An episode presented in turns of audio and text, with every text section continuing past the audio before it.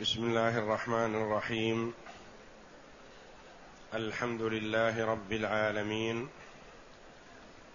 والصلاة والسلام على نبينا محمد وعلى آله وصحبه أجمعين. وبعد. أعوذ بالله من الشيطان الرجيم. إنما كان قول المؤمنين إذا دعوا إلى الله ورسوله ليحكم بينهم. إذا دعوا إلى الله ورسوله ليحكم بينهم أن يقولوا سمعنا وأطعنا. وأولئك هم المفلحون. ومن يطع الله ورسوله ويت ومن يطع الله ورسوله ويخشى الله ويتقه فأولئك هم الفائزون. يخبر جل وعلا في هاتين الآيتين الكريمتين عن صفات المؤمنين. وماذا ينبغي أن يكونوا عليه؟ وأن من صفاتهم الحسنة أنهم إذا دعوا إلى الله ورسوله ليحكم بينهم قالوا سمعنا وأطعنا. بخلاف حال المنافقين الذين أخبر الله عنهم جل وعلا في الآيات السابقة أنهم يقول جل وعلا ويقولون آمنا بالله وبالرسول وأطعنا ثم يتولى فريق منهم من بعد ذلك وما أولئك بالمؤمنين وإذا دعوا إلى الله ورسوله ليحكم بينهم إذا فريق منهم معرضون. وإن يكن لهم الحق يأتوا إليه مذعنين. أفي قلوبهم مرض أم ارتابوا أم يخافون أن يحيف الله عليهم ورسوله؟ بل أولئك هم الظالمون. ثم قال جل وعلا إنما كان قول المؤمنين إذا دعوا إلى الله ورسوله ليحكم بينهم أن يقولوا سمعنا وأطعنا وأولئك هم المفلحون. فبين جل وعلا صفات المنافقين. المحادين لله ورسوله المعرضين عن طاعة الله وطاعة رسوله صلى الله عليه وسلم الذين أظهروا الإسلام وأبطنوا الكفر أظهروا الطاعة بألسنتهم وخالفوا ذلك بأعمالهم وقلوبهم وأنهم إنما قالوا ما قالوا من السمع والطاعة إنما ذلك لحقن دمائهم وحفظ أموالهم فمصالحهم الدنيوية تحتم عليهم ذلك فاظهروا الإسلام وابطنوا الكفر والنفاق. والله جل وعلا يعلم السر وأخفى. يعلم خائنة الأعين وما تخفي الصدور. لا يخفى عليه شيء. السر أظهر عنده من العلانية. وما في القلب أظهر عنده مما ينطق به اللسان. فالخفي مكشوف عند الله جل وعلا وظاهر. يعلم ما في القلوب. يعلم ما تنطوي عليه من الصدق والمحبة لله ولرسوله. ويعلم ما فيها من الخيانة والبغض والكراهية للرسول صلى الله عليه وسلم وللمؤمنين. فهو جل وعلا لا تخفى عليه خافية. فهم في الظاهر مع المسلمين والمؤمنين. وفي الباطن مع الكفار. مخادعين لله ولرسوله. وقد عاملهم الله جل وعلا على ذلك. وعاقبهم على ما أظهروا وما أبطنوا فعاملهم في الظاهر أمر الرسول صلى الله عليه وسلم والمؤمنين أن يعاملوهم في الدنيا بما في الظاهر وسيعاملهم جل وعلا في الدار الآخرة بما في ضمائرهم ومن طوت عليه قلوبهم. إن المنافقين في الدرك الأسفل من النار. فلا يغتروا بالإمهال في الدنيا ولا يغتروا بحسن معاملة المؤمنين لهم وربما قدموا في المجالس وتصدروا الحديث ونالوا المقامات العالية في الدنيا. قد يحصل ذلك. ولكن النتيجة العظمى تظهر في الدار الآخرة. والإسلام تشريع حكيم. والله جل وعلا أطلع رسوله صلى الله عليه وسلم على بعض المنافقين. ونهاه عن الصلاة عليهم بعد موتهم ولا تصل على أحد منهم مات أبدا ولا تقم على قبره لأن الله جل وعلا أطلعه على أسمائهم وأحوالهم بعضا منهم. وبعد موت الرسول صلى الله عليه وسلم وانقطاع الوحي من السماء يتعذر معرفة ما في القلب وإنما تظهر فلتات اللسان شيئا مما تنطوي عليه القلوب فلا يحكم إلا بالظاهر البين. وربما يكون ظاهرهم حسنا. بالكلام الطيب والجميل فأمرنا جل وعلا بأن نعاملهم في الدنيا معاملة المسلمين. وقد أظهر الله جل وعلا صفاتهم وبينها. أظهر جل وعلا صفاتهم وبينها للمؤمنين. لئلا يغتروا بهم ولا ينخدعوا ويكونوا على حذر.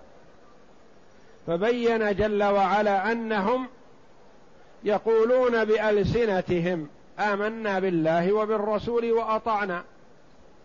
ثم يتولى فريق منهم من بعد ذلك وما أولئك بالمؤمنين. كذبهم الله جل وعلا فيما يقولون. وإذا دعوا إلى الله ورسوله ليحكم بينهم إذا فريق منهم معرضون. هذه صفة من صفات المنافقين. عند التحاكم من يرغب التحاكم إلى الله وإلى رسوله إلى كتاب الله وإلى سنة رسوله صلى الله عليه وسلم وإلى حكام الشرع الذين يحكمون بكتاب الله وسنة رسوله فذلك المؤمن. وإن كان بخلاف ذلك لا يرغب فتلك علامة النفاق. لأنه يعلم أن حكم الله جل وعلا وحكم رسوله صلى الله عليه وسلم ليس للمبطل فيهما حق وهو يريد أن يأخذ الحق بالباطل وبالرشوة. فمن رفض حكم الله وحكم رسوله صلى الله عليه وسلم فذلك المنافق كما أخبر الله جل وعلا. أو دعا إلى التحاكم إلى غير كتاب الله وسنة رسوله صلى الله عليه وسلم. وبين جل وعلا أنهم يرغبون في التحاكم إلى الكتاب والسنة متى؟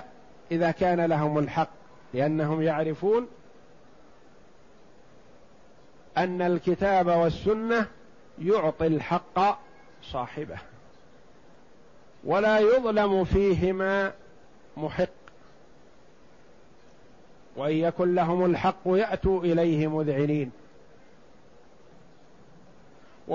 ووبخهم جل وعلا على ما في بقلوبهم فقال أفي قلوبهم مرض؟ أم ارتابوا؟ أم يخافون أن يحيف الله عليهم ورسوله؟ أم يخافون الظلم من الله ومن الرسول صلى الله عليه وسلم؟ حاشا ذلك. بل أولئك هم الظالمون. ما حادوا عن الحكم حكم الله وحكم رسوله إلا لأنهم متصفون بصفة الظلم. بل أولئك هم الظالمون. كأن سائلا يسأل يقول يا ربي اذا ما الفرق بين المؤمن والمنافق في هذا المجال لأن المنافق أحيانا يرغب في الحكم في حكم الله ورسوله. يرغب متى يرغب؟ إذا كان يعلم أن الحق له. فإنه يرغب في حكم الله وحكم رسوله لأنه لا ظلم فيهما. إذا كيف أميز بين المؤمن والمنافق؟ قال الله جل وعلا إنما كان قول المؤمنين إذا دعوا إلى الله ورسوله ليحكم بينهم أن يقولوا سمعنا وأطعنا. هذه صفتهم سواء كان الحق لهم أو الحق عليهم. حكم لهم أو حكم عليهم.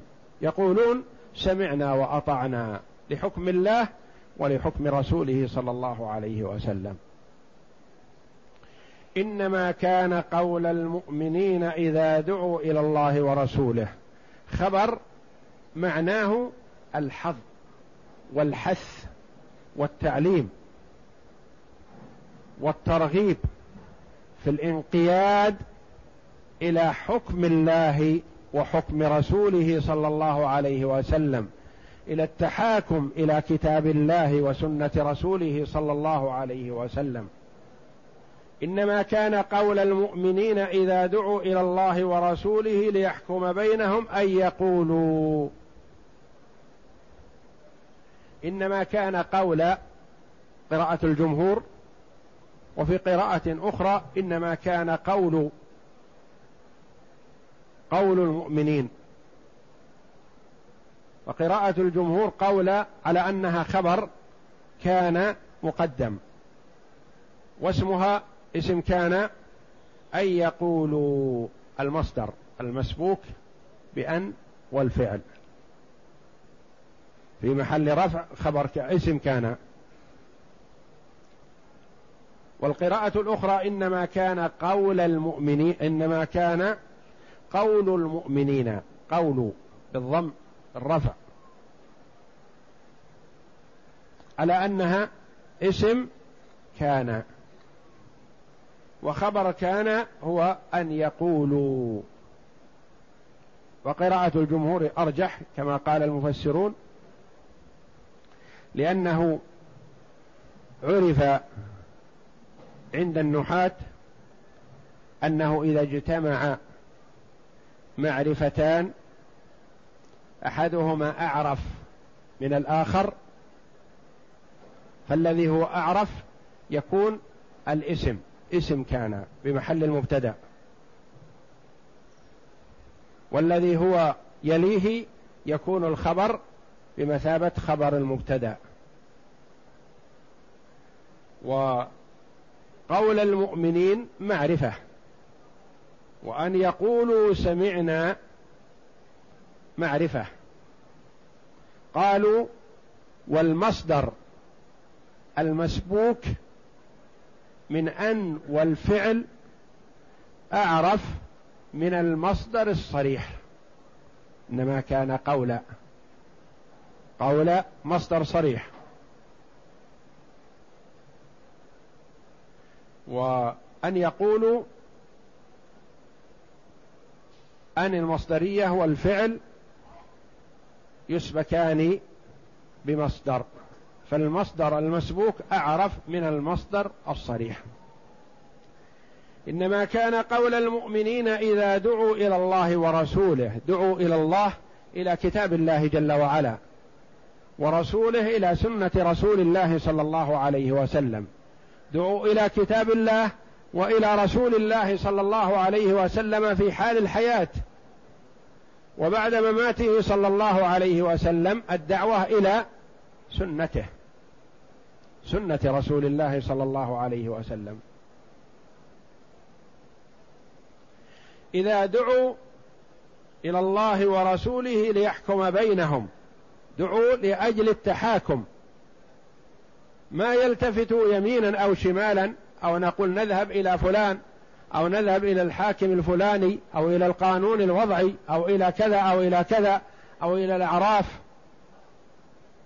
بين القبائل أو بين العرب ونحو ذلك وإنما يقولون سمعنا وأطعنا. إذا دعوا إلى الله ورسوله قالوا سمعنا وأطعنا. سمعا وطاعة يا ربنا. سمعا وطاعة للخصم. خصمه الذي يطلب منه يقول نذهب سويا إلى الحاكم الشرعي. فعلى المقول له هذا القول أن يقول سمعا وطاعة. نذهب إلى الحاكم الشرعي. ولا يلتفت يقول لا نذهب إلى فلان. أرفق وأوفق. وربما ألقى الشيطان على لسانه كلمات براقة وهو يقصد الخيانة ويقصد أن يدفع له الرشوة. ويقصد أن يميل معه في الحكم لغرض من الأغراض. لا. ربما يقول نذهب إلى الحاكم القانوني إلى الحكم القانون أو الوضعي أو إلى حكم الأعراف لأنهم أسرع وأنجز وأرضى للطرفين وإلى آخره. وكل هذا كلمات خبيثة ظاهرها حسن وباطنها الخبث لأنه يريد الحيدة والبعد عن التحاكم إلى الله وإلى رسوله. يقول هذا القول إذا عرف أنه مبطل. وأما إذا عرف أن له الحق حتى وإن كان كافرا ومنافقا يرغب في التحاكم إلى الله ورسوله. كما قال الله جل وعلا ألم تر إلى الذين يزعمون أنهم آمنوا بما أنزل إليك وما أنزل من قبلك يريدون أن يتحاكموا إلى الطاغوت وقد أمروا أن يكفروا به. ويريد الشيطان أن يضلهم ضلالا بعيدا. فالمنافق والذي كان خصمه يهودي يقول اليهودي نتحاكم إلى محمد لأنه يعرف أن محمدا لن يظلمه وإن كان يهوديا. والمتظاهر بالإسلام وهو منافق فاجر يقول لا نذهب إلى فلان إلى غيره. لأنه يعرف أن الحق ليس له ويريد أن يأخذ الحق بالرشوة والظلم. فالمؤمنون إذا دعوا إلى الله وإلى رسوله أسرعوا واستجابوا لأنهم يريدون الحق. والخلاص من الشيء إذا لم يكن للمرء فهو نعمة للمرء. صلاح له في دينه ودنياه.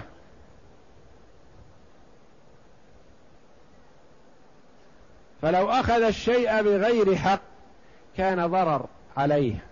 وشر ومصيبة. وكما قال عليه الصلاة والسلام إنما أنا بشر وإنكم تختصمون إلي ولعل بعضكم يكون ألحن بحجته من بعض فأحسب أنه صادق فمن قضيت له بحق أخيه فلا يأخذه فإنما هي قطعة من نار فليأخذها أو ليدعها. قطعة من نار. فكون الإنسان يؤخذ منه الشيء الذي ليس له سلامة له ونجاة وخلاص من الشر ومن النار. فإذا دخل على المرء مال أخيه بغير حق دخل عليه بالنقص والخسارة وربما أهلك المال كله وصار سبب لحريق أو لغرق أو لهلاك أو لخسارة عظيمة بأي نوع من أنواع الخسارة. لأن المال الحلال إذا خالطه الحرام اهلكته أهلكه. كما ورد في الحديث إذا خالطت الزكاة المال افسدته الزكاة حق الله جل وعلا في مال الغني للفقير. إذا بقيت في مال الغني ولم تخرج منه أفسدت المال وأهلكته لأنها ليست له. هذه لإخوانه الفقراء. فالمال الحرام إذا دخل على المرء ضره في دينه وبدنه ضره في دنياه وآخرته. وصار سببا لعذابه في الدار الآخرة كما قال الله جل وعلا إن الذين يأكلون أموال اليتامى ظلما إنما يأكلون في بطونهم نارا وسيصلون سعيرا. ففي هذه الآية الكريمة حث للمسلم الا يتحاكم إلا إلى كتاب الله وسنة رسوله صلى الله عليه وسلم وإلى حكام الشرع. وأن يرضى بذلك حتى وإن كان محكوما عليه. حتى وإن أخذ منه الحق فيرضى بذلك لأن في هذا خلاص له. ثم أثنى عليهم جل وعلا بثناء آخر فقال وأولئك هم المفلحون. أولئك الإشارة للبعد مع أنهم قريبين. لما؟ إشارة إلى علو منزلتهم ورفعتهم عند الله جل وعلا وأنهم نالوا الغنيمة العظمى وأولئك هم المفلحون. والفلاح الفوز والسعادة في الدنيا والآخرة. كما قال الله جل وعلا قد أفلح المؤمنون. ومن يطع الله ورسوله ويخشى الله ويتقه فأولئك هم الفائزون. ثناء آخر وحث وترغيب في طاعة الله جل وعلا. من يطع الله من؟ اسم شرط. يطع فعل الشرط. وأين جواب الشرط؟ فأولئك هم الفائزون. هذا جزاؤهم وهذا ثوابهم. ومن يطع الله ورسوله فيما أمراه به يطع الله ورسوله فيما نهياه عنه. فلا يترك واجبا أوجبه الله عليه. ولا يغشى محرما حرم عليه. ويخشى الله يخاف الله فيما مضى من ذنوبه. يخاف من ذنوبه السابقة أن تكون سببا لهلاكه. لأن يوبق في النار لأن يعذب يخاف الله جل وعلا ويخشى الله ويتقه يتقي الله جل وعلا فيما بقي من عمره. فالمؤمن إذا رجع إلى الله وتاب وأناب يكون على خوف مما مضى من معاصيه. ويكون على تقوى من الله فيما يستقبل من عمره لئلا يقع في معصية. فيخاف من شر الماضي ويتقي الله من شر المستقبل. يخاف الله مما مضى ويتقي الله فيما بقي من عمره. وبهذا يكون رجوعه إلى الله جل وعلا رجوع صدق وتوبة صادقة. وأما إذا قال ذلك بلسانه وهو على ما كان عليه من معصية الله فذلك القول كذب. ومن يطع الله ورسوله ويخشى الله ويتقه. ويتقه فيها قراءات متعددة. قراءة حفص ويتقه بتسكين القاف. وقراءة أخرى بكسر القاف. وفي الهاء يتقي الإسكان والكسر خفيفا والكسر بإشباع.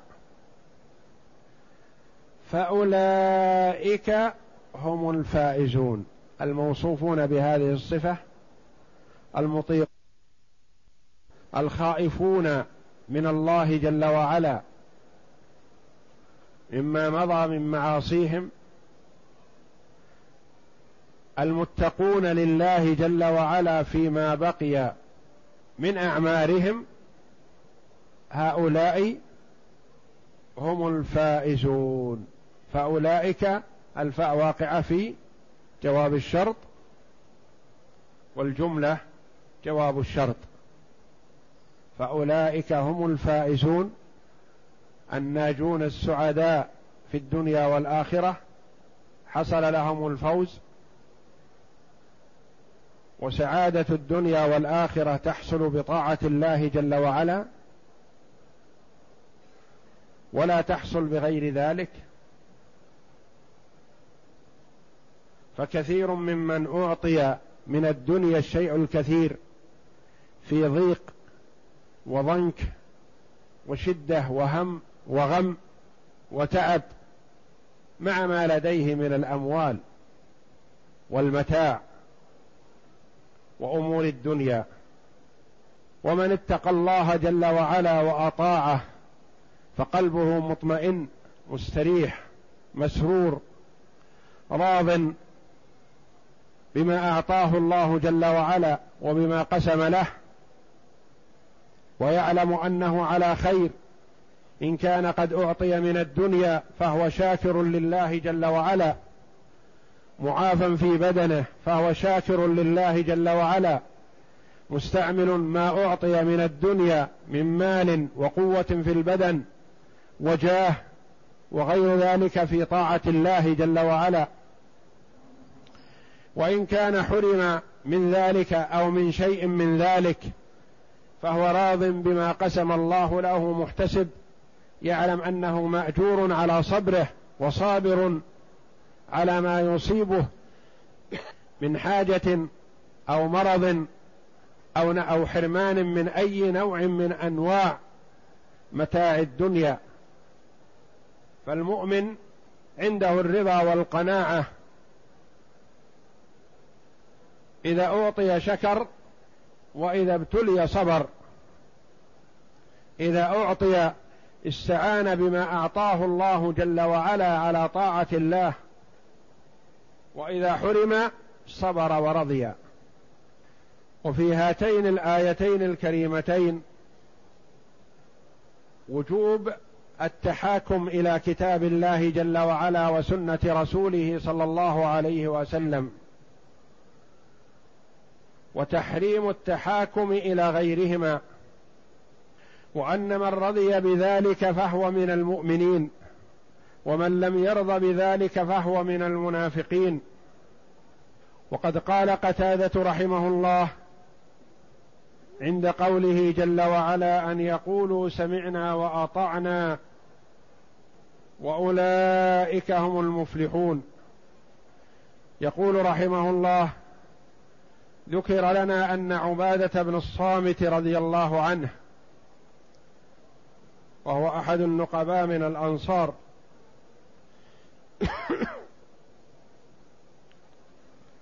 وممن شهد بدرا رضي الله عنه أنه لما حضره الموت قال لابن أخيه ألا أنبئك بما علي بما بما ألا أنبئك بما بماذا عليك وبماذا لك؟ قال بلى. قال فإن عليك السمع والطاعة في العسر ويسرك ومنشطك ومكرهك وأثرة عليك وعليك أن تقيم لسانك بالعدل والا تنازع الأمر أهله إلا أن يأمروك بمعصية الله بواحا. فما أمرت به من شيء يخالف كتاب الله فاتبع كتاب الله. وقال أبو الدرداء رضي الله عنه لا إسلام إلا بطاعة الله ولا خير إلا في جماعة والنصيحة لله ولرسوله وللخليفة وللمؤمنين عامة. وقال عمر بن الخطاب رضي الله عنه عروة الإسلام شهادة أن لا إله إلا الله وإقام الصلاة وإيتاء الزكاة والطاعة لمن ولاه الله أمر المسلمين رواه ابن أبي حاتم. فهذه الآثار والأحاديث فيها الأمر بلزوم الطاعة لله جل وعلا ولرسوله ولأئمة المسلمين. حتى وإن كان على الإنسان ضرر في ذلك فإن عليه السمع والطاعة إرضاء لله جل وعلا ولرسوله صلى الله عليه وسلم. والله أعلم. وصلى الله وسلم وبارك على عبده ورسول نبينا محمد وعلى آله وصحبه أجمعين.